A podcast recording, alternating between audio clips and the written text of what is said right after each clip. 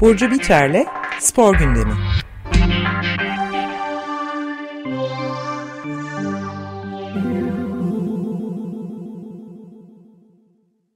Merhaba Burcu, günaydın. Merhabalar, günaydın. Ee, bugün e, fark ettiğin üzere Ömer Madra yok maalesef. Geçen hafta da böyle denk gelmiştik. ee, işte kış halleri e, diyelim. Evet, evet. Oluyor böyle. Geçen hafta vardı Ömer Bey. E, ondan pardon, önceki evet, hafta ondan yoktu. önceki hafta haklısın. Evet, evet. Doğru. Hani Ömer Bey'le böyle e, yapma şey daha böyle heyecanlı olduğum bölümler var yapmak istediğim. Hep o bölümlerde olmuyor Evet, şansıma. onunla da konuşarak hazırlıklar falan da yapılıyor ama denk geliyor bazen böyle evet. Evet, evet, evet. Yani son anda bu sağlık problemleri maalesef bizi de ben de bir haftadır hala hastayım. Sesim hala Geçmiş çok olsun kötü. sana da. Ben de toparlanmak üzereyim ama bende de var benzer. bir- Sesin çok iyi geliyor bu arada ama benim sesim Hmm. İyi, iyi, Aslında bu ses tonumu seviyorum. Peki. Ee, bugün bir de konuğumuz var öyle değil mi? Evet, bugün bir konuğumuz var. Basket İstanbul kitabını konuşacağız. Konuğumuz da e, kitabın koordinatörü e, Cem Pekdoğru olacak. Editör, yazar ve podcast yapımcısı. Hoş geldin Cem. Hoş buldum. Selamlar Burcu. Merhaba. Özdeş, teşekkür ederim davetiniz için tekrar. İyi ki geldin. E, ben birazcık e, kısaca Cem'den bahsedeyim. Cem az önce de belirttiğim gibi editör, yazar ve post- podcast yapımcısı. Basket İstanbul e, kitabının koordinatörlüğünü üstlendi. Uzun zamandır uğraşıyor bu kitapla. E, programda da aslında e, kitabın üzerinden birazcık hem Türkiye'nin e, basketbol tarihine, basketbol köklerine, spor tarihine e, bakacağız. Hem de e, spor yayıncılığı, Türkiye'de spor kitabı çıkarmanın ne demek olduğu üzerinden konuşacağız biraz. Hı hı. E, İBB yayınlarından çıktı kitap ve Türkiye e, ve İstanbul'un e, basketbol tarihi ve kültürüne odaklanıyor diye kısaca belirtmek gerekiyor. Üç kısımdan oluşuyor ve bu üç kısımda 24 yazı bulunuyor. E, bu tarihte yer alan işte e, spora, basketbola öncülük yapan isimleri anlatan kulüpler üzerinden şekillenen e, spor ortamına değinen bir çalışma aslında. Sporla mekan ilişkisine de değiniyor. E, basketboldaki dönüm noktalarını e, anlatıyor e, bu çalışma. Ve e, uzun süredir bu kitapla uğraştığını biliyorum ben Cem'in. Ve biz de onunla zaman zaman bir araya gelip e, bu konularda konuşuyoruz.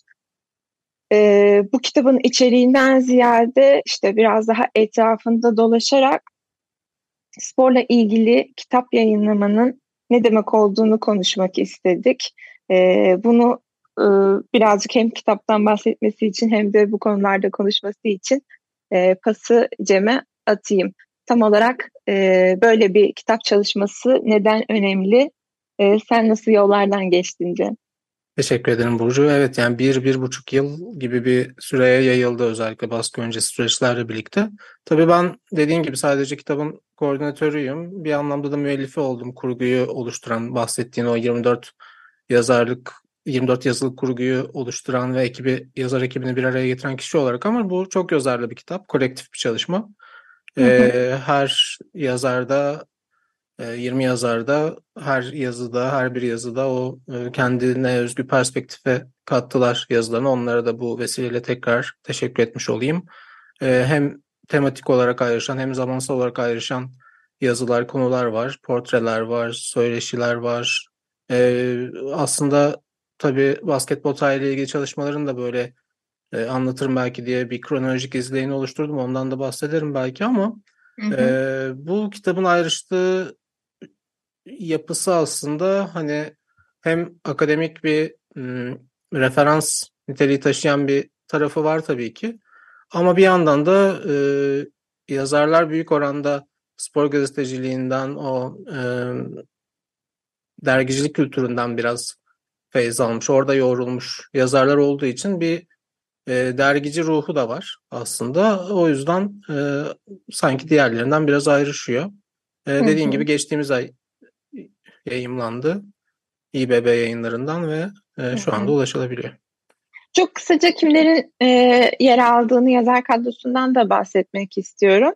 e, Mehmet Yüce, Yiğit Erulu, İnan Özdemir, İsmail Şenol Kaan Kural, Seveden Tunç, e, Burak Balaban gibi aslında basketbolda hem yorumculukları da yorumculukları ah söyleyemedim yorumculuklarıyla hem de e, az önce bahsettiğin dergilik e, geçmişleri olduğu için e, önemli isimler var. Hem de basketbol tarihine çok hakim. E, gerçekten kitapta da ciddi bir az önce senin bahsettiğin gibi kronolojik bir e, hem Türkiye tarihi hem Türkiye spor tarihi e, insanın önüne çıkıyor.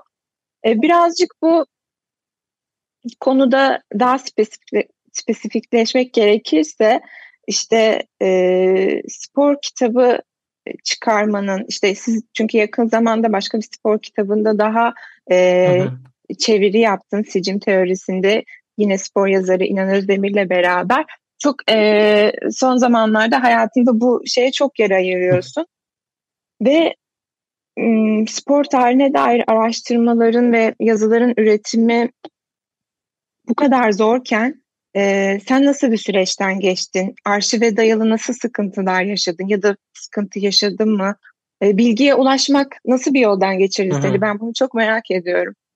Aslında evet yani ben biraz şanslıyım son 10 yılda şimdi e, yayın öncesi bir düşündüm. Sporla ilgili 5 tane kitaba e, katkıda bulunmuşum editör olarak, yazar olarak az önce bahsettiğim gibi David Foster Wallace'ın tenis denemelerinden mürekkep sicim teorisi de e, String Theory'de yakın zamanda Siren yayınlarından yayına çıktı. Ona da çevirme olarak katkı verdim İnan'la birlikte bahsettiğin gibi. Ama bir yandan da bir kurak günlerden geçtiğimizi düşünüyorum yani. Bizim çocukluk, ilk gençlik dönemlerimizde sanki daha fazla beni etkilemiş, ilham vermiş e, spor kitabıyla e, karşılaşma şansım oluyordu. İşte 2000'lerin başında özellikle iletişim yayınlarının e, futbol kültürü dizisi çok önemli olmuştu. Farklı yayın evlerinden de en az bir iki tane her yıl nitelikli çalışma ortaya çıkıyordu.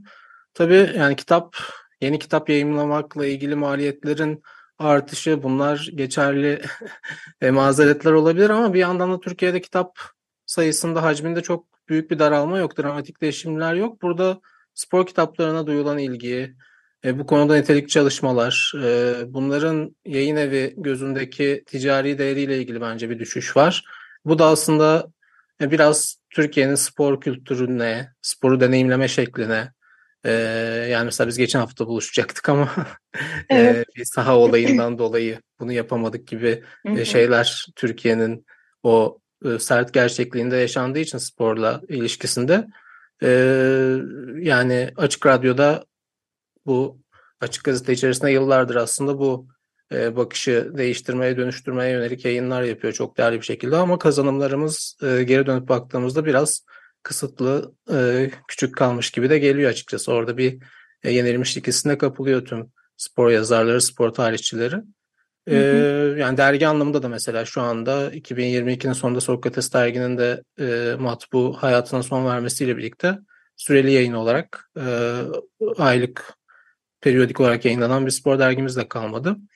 E, spor tarihiyle ilgili dediğin gibi yani bir kayıtsızlık, e, bir ilgisizlik, özensizlik spor kulüplerinde de kurumlarda da çok sık rastlıyoruz. Yani bu sadece basketbola özgü de değil, sadece spora özgü de değil. Bir e, arşiv alerjimiz var genel olarak. Bir kayıt tutma, arşivleme evet. ile ilgili ciddi eksikler oluyor.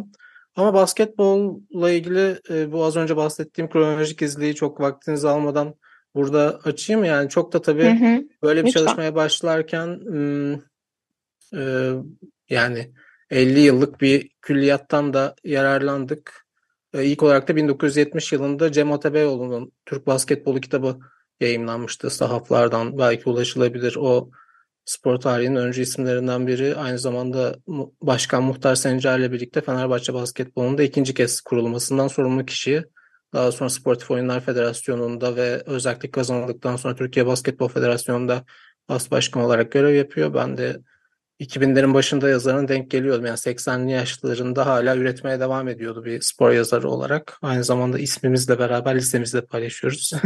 İstanbul Erkek Lisesi'nde de benden yaklaşık 60 yıl önce okumuştu. Bundan sonra yaklaşık 35 yıllık bir kesinti var. Neşriyat anlamında tabii dergiciliğin başladığı yıllar hem işte benim daha önce E, biyografisini de oğlu Ali Granit'le beraber kaleme aldım, hazırladım. Yalçın Granit'in kendi imkanlarıyla çıkardığı, tefrika ettiği basket tekniği dergileri var. Eski basketbolcu Beşiktaş'ın şampiyon kadrosunda olan Ahmet Kurt'un basket dergisi var. Daha sonra Turgay Demirel'in federasyon başkanlığı döneminde başlattığı Fast Break dergisi var. O bizim de artık hani hayata gir hayata evet. geldiğimiz yıllara denk gelen biraz belki görmüş olabileceğimiz dergilerden biri. Ee, ama e, şey jübile kitapları var mesela 70'lerde 80'lerde ilginç bugünlerde soyu tükenmiş bir tür bir janra. Ee, hı hı. Potalar altında 21 yıl falan gibi böyle işte birçok milli basketbolcunun kitapları var. Ama e, böyle dört başı mamur bir çalışma diyebileceğimiz ülkenin basketbol tarihiyle ilgili uzunca bir süre yayını yok. 2006 yılında daha sonra e, o günkü adıyla Efes Pilsen Spor Kulübü'nün teşebbüsüyle Mehmet Durupınar bir kitap hazırlıyor. 2006'da e, basketbolumuzun 100 yıllık tarihi adıyla çıkıyor ki orada da kalabalık bir danışma kurulu var. Çok değerli spor tarihçileri Cem Pekin, Alp Bacıoğlu ki bizim kitabımıza da katkıda bulundu. Onların da e, payı var. Maalesef Mehmet Durupınar e, bu kitap çalışmasından sonra bir e, ciddi bir hastalık geçiriyor. Çalışmalarına devam edemiyor ve 2019 yılında e, bu sefer Türkiye Basketbol Federasyonu'nun girişimiyle ve bizim kitabımıza da katkıda bulunmuş e, çok değerli spor tarihçileri, sen de isimlerini andın. Fethi Aytun'a ve Mehmet Yüce'nin çalışması Türkiye Basketbol Tarihi yayınlanıyor. Bir yandan da ben aslında Yalçın Granit biyografisini de çok da atıfta bulunuldu bu ve kitapta da dördüncü eser olarak düşünüyorum. Çünkü Yalçın Granit'in hayatını anlatırken bir yandan da evet. Türkiye'nin basketbol hikayesini, yolculuğunu anlat anlatıyorsunuz farkında olmadan ya da hı hı. E, farkına varıyorsunuz böyle olduğunun. E, dolayısıyla ben böyle beşinci kapsamlı çalışma gibi görüyorum ve burada da böyle bir bayrak yarışının içerisinde olmak da hoşuma gidiyor atletizmden bu tabiri ödünç alırsak. E, kitap hı hı. böyle bir takım oyunun ürünü. Bir anlamda hem bundan sonraki çalışmalara e, akademik anlamda referans olacak. Bir yandan da senin dediğin gibi e, dergici, spor yazarı olarak yıllarca çalışmış. Benim de birçoğuyla teşviki mesai içinde bulunduğum e, insanların da katılımıyla e, perspektif de veren, e, özgünlük de taşıyan bir kitap oldu. Hı hı. Yani ellerine sağlık, herkesin eline sağlık. Ee, şöyle bir şey söylediklerinden şöyle bir detay almak istiyorum. Ee, edebiyatta biyografi ya da otobiyografinin o kadar önemli olduğunu, yani çok önemli olduğunu düşünüyorum. Hı hı. Çünkü dediğin gibi bir biyografi yazarken ya da kişi otobiyografisini yazarken e, çok daha birinci kaynaktan e, bir bilgiye ve bir aslında e, yazılı tarihe de ulaşıyoruz orada. Hı hı. E, Yalçın Granit'in kitabı da gerçekten bu anlamda e, şeyde önemli bir kitaptı. Çünkü sadece kişinin anlattığı e, ya da e, birinci kaynağa ulaşarak o şey yaşadıkları hı hı. üzerinden bir şey anlatmanın biraz daha e, akademik çalışmadan işte belgelerle üzerine yapılmış çalışmadan e, daha gerçekçi ve daha şey olduğunu Hı-hı. düşünüyorum. Tabii orada sevgili Ali yaklaşık 150 kişiyle e, mülakatlar üzerine kurdu e, kurguyu. E, evet. Ve çok ciddi bir çalışma vardı. Bu arada e, biraz şundan da bahsetmek istiyordum. Yani Hı-hı. E, başlangıçta biz bunu daha akademik ve e, aslında İBB yayınlarında diğer alanlarda çıkardığı diğer kitaplar gibi e, tarih yazımı örneği olarak sunabilirdik ama e, bu kronolojik izlekte dediğim gibi 2019 yılında e, Aytuna ve Yüce'nin çalışmasından sonra bundan biraz ayrıştırmak istedik. Tabii ki yani İst- Basket İstanbul kitabımızın adı ve e, İstanbul'un dışına e, ister istemez çıktığı yerler olsa da ana odağında İstanbul var. Oradan ayrışıyor ama bir yandan da hı hı. hani zaten böyle çalışmalara e, gitgide e, kaynak aktarmak, ayırmak e, daha zor olurken giderek bunların sayısı azalırken e, onunla çok aslında e, kesişimi olan bir şeyden ziyade biraz daha farklılaşmak istedik. O nedenle bu ilk toplantılarımızdan birinde verdiğimiz bir karardı. Hatta 30 hı hı. yazılık böyle 20 yazı 10 portre gibi bir kurguyla başlamıştım. Böyle son haline geldi. Ee, yani kişisel bilgi e, o, o kişinin yaşadığı ve o e, düşünceleri üzerinde değerlendirmek de e, ayrı bir kıymet katıyor bence böyle çalışmalara. O yüzden tekrar eline sağlık. Yani Teşekkür ederim. Evet İstanbul e, dışında biraz Ankara'ya değinme var. E, Aydın Üniversitesi'nden vesaire bahsediyorsun. Aydın Daha, e, daha önce de e, röportajların olmuştu ve Aydın Hırs da basketbol için e, çok önemli bir isim. Aslında Aydın Hırs'ta ilk kez bu kitap vesilesiyle bir araya geldik ve toplam herhalde Hı. 8 saati iki ben yanlış geçirdik. Tamam. Ve şey yani benim için bu kitapta evet koordinatör olarak e, belki kredi aldım ama yazar olarak beni belki daha da fazla tatmin etti. Çünkü Aydın Orsa hakikaten e, onun da hayatının neden e, kaleme alınmadığını, bir biyografi çalışmasına konu olmadığını hala e, hayıflanarak takip ettiğim biri. Çok değerli biri. Senin de söylediğin gibi. Evet evet yani işte Abdi İpekçi e, spor salonunun varlığı nasıl bir süreçten geçtiği işte 12 dev adam e, dönemi var Türkiye'de ve Aydın Örs bu e, şeylerle e, dönüm noktalarıyla bu detaylarla hep aklımıza e, gelen bir isim. E, Koraç Kupası var 96 yılında Hı-hı. tabii. E, bu da Türkiye'deki basketbol tarihinde en önemli e, detaylardan birisiydi. Ben nedense öyle hatırlamışım. Aydın Örs'e ben de iki yıl önce bir evet. söyleşide bulunmuştum. 12 dev adam zamanında 12 dev adamla ilgili bir e, dosya yaptımdı ve e, yakın tarihe de bu şekilde hani bakmak. Çünkü hmm, kitapta yer alan geçmişe dair e, basketbolun Türkiye'ye işte İstanbul'da e, İstanbul'a gelişine dair çok fazla detay var ama yakın dönemde e, artık spor basınının, spor yayıncılığının biraz daha böyle yeni medyaya kaydığı, daha çok görsel, daha çok izlemeye yönelik bir e, içerik dünyası olduğu için kitapta bence yakın döneme de dair bahsettiğiniz, e, yer verdiğiniz şeyler işte Euroleague dönemi, e, Anadolu Efes'in e, yayılması falan bunlar da gerçekten önemli çalışmalar. Hı-hı. En azından daha sonraki e, seneler için önemli bir kaynak olacak. E, peki evet tabii bu... yani 120 yıllık bir dönemi yaklaşık 500 sayfaya sığdırmaya çalışınca mutlaka boşluklar oldu. Mesela ben tekerlekli sandalye basketbolu ile ilgili bir yazı istiyordum ama bir şekilde o hayata geçmedi. Ee, mesela bir Can Bartu yazısı istiyordum. Ee, evet. Çünkü orada biraz spor gazeteciliği anlamında da kendimizi sorgulamamız gereken bir şey herhalde. Yine Can Bartu'nun da bu arada bir e, derli toplu bir biyografik çalışması olmadı hayatıyla ilgili ama mesela Can Bartu dediğimde belki hani sen de rastlamışsındır, rastlamışsınızdır e, hep şey hikayesi vardır. Aynı gün Fenerbahçe formasıyla evet. öğlen e, Dolmabahçe'de işte Beşiktaş'a derbide iki gol atıyor. Akşamda spor sergiye çıkıp Galatasaray'a 30 sayı atıyor gibi bir e, anlatılan bir tevatür vardır. Hı hı. Bununla ilgili hem işte e, İlhan Özgen ortak arkadaşımız onunla konuştuğumda hem e, başka spor tarihçisi büyüklerimizle konuştuğumuzda ee, bunun bir şehir efsanesi olduğunu ya aynı gün böyle iki maçın oynanmadığını görüyoruz ama böyle anlatmak hep cezbedici, tahrik edici bir tarafı oluyor hikaye anlatıcılar için. Ben bununla ilgili mesela bu Galata Meşhur'la ilgili bir yazı hem İlhan'la konuşmuştuk daha sonra sevgili Murat Toklucu ile konuşmuştuk ama takvimler Ama aynı anda iki ayrı takım yani iki ayrı alanda e, forma giyiyor. Evet Sonra... orası doğru. Hatta milli takım seviyesinde ikisinde de çok evet, değerli bir sporcu. Aslında bu yani şehir efsanesini yıkmaya çalışırken araştırdığınızda her e, ulaştığınız yeni kaynakta saygınız artıyor, takdiriniz artıyor Can Bartu'ya ama bu doğru değil yani ve işte evet. aynı gün, gün olmaması, aralarında doğru, iki evet. gün olması ya da işte e, Beşiktaş'a değil de Göztepe'ye atması bu büyüklüğünü, azametini e, şey yapmıyor, gölgelemiyor ama böyle anlatmak kolay geliyor.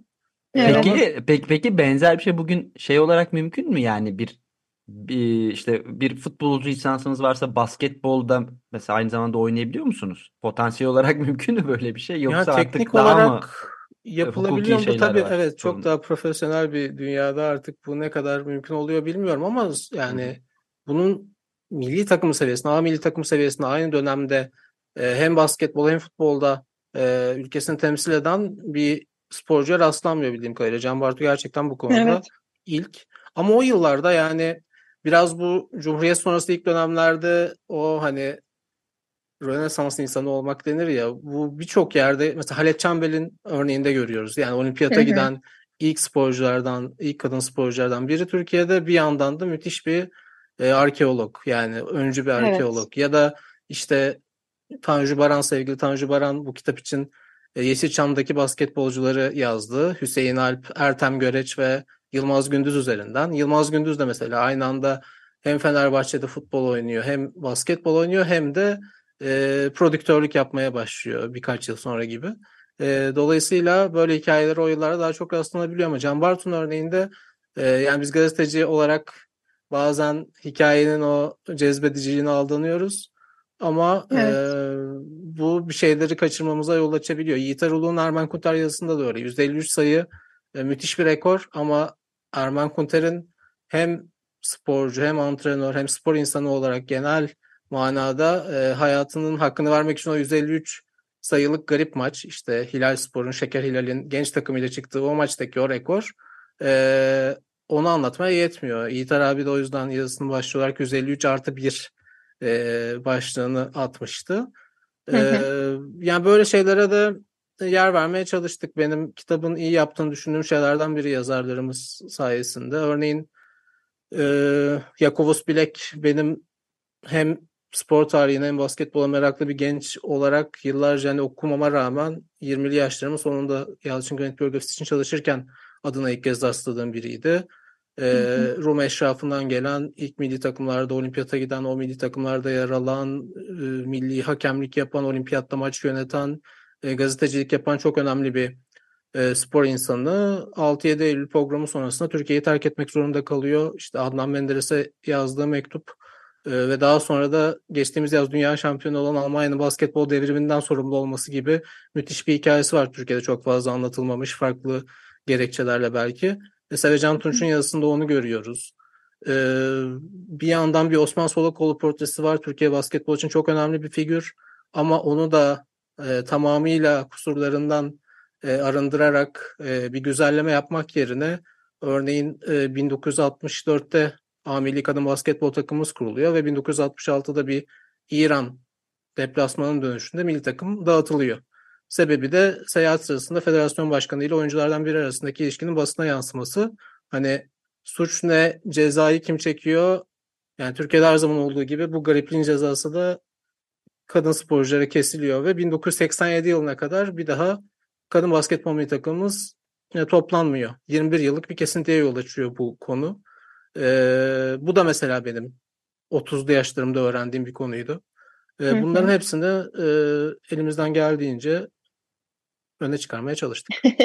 Ya şöyle bir şey, Can Bartu'ya dönmek gerekirse yani Can Bartu gibi bir karakter, bir sporcu var ve bahsettiğin e, detay her ne kadar e, söylenti olsa onun dışında da yine bu önemini kaybetmeyen isim için yazılı kaynağın aslında çok önemli olduğunu gösteriyor bu detaylar bize. Hı hı. Bu kadar önemli isimlerin hayatlarına dair e, yazılı kaynağın bulunması, e, birinci kaynaktan elde edilmiş bilgi- bilgilerin olması işte böyle çalışmalar için çok önemli. E, şu an Can Bartu'dan bahsederken bu gibi detaylar tabii ki de çok bir yandan hoş, e, şey insanı güldüren detaylar.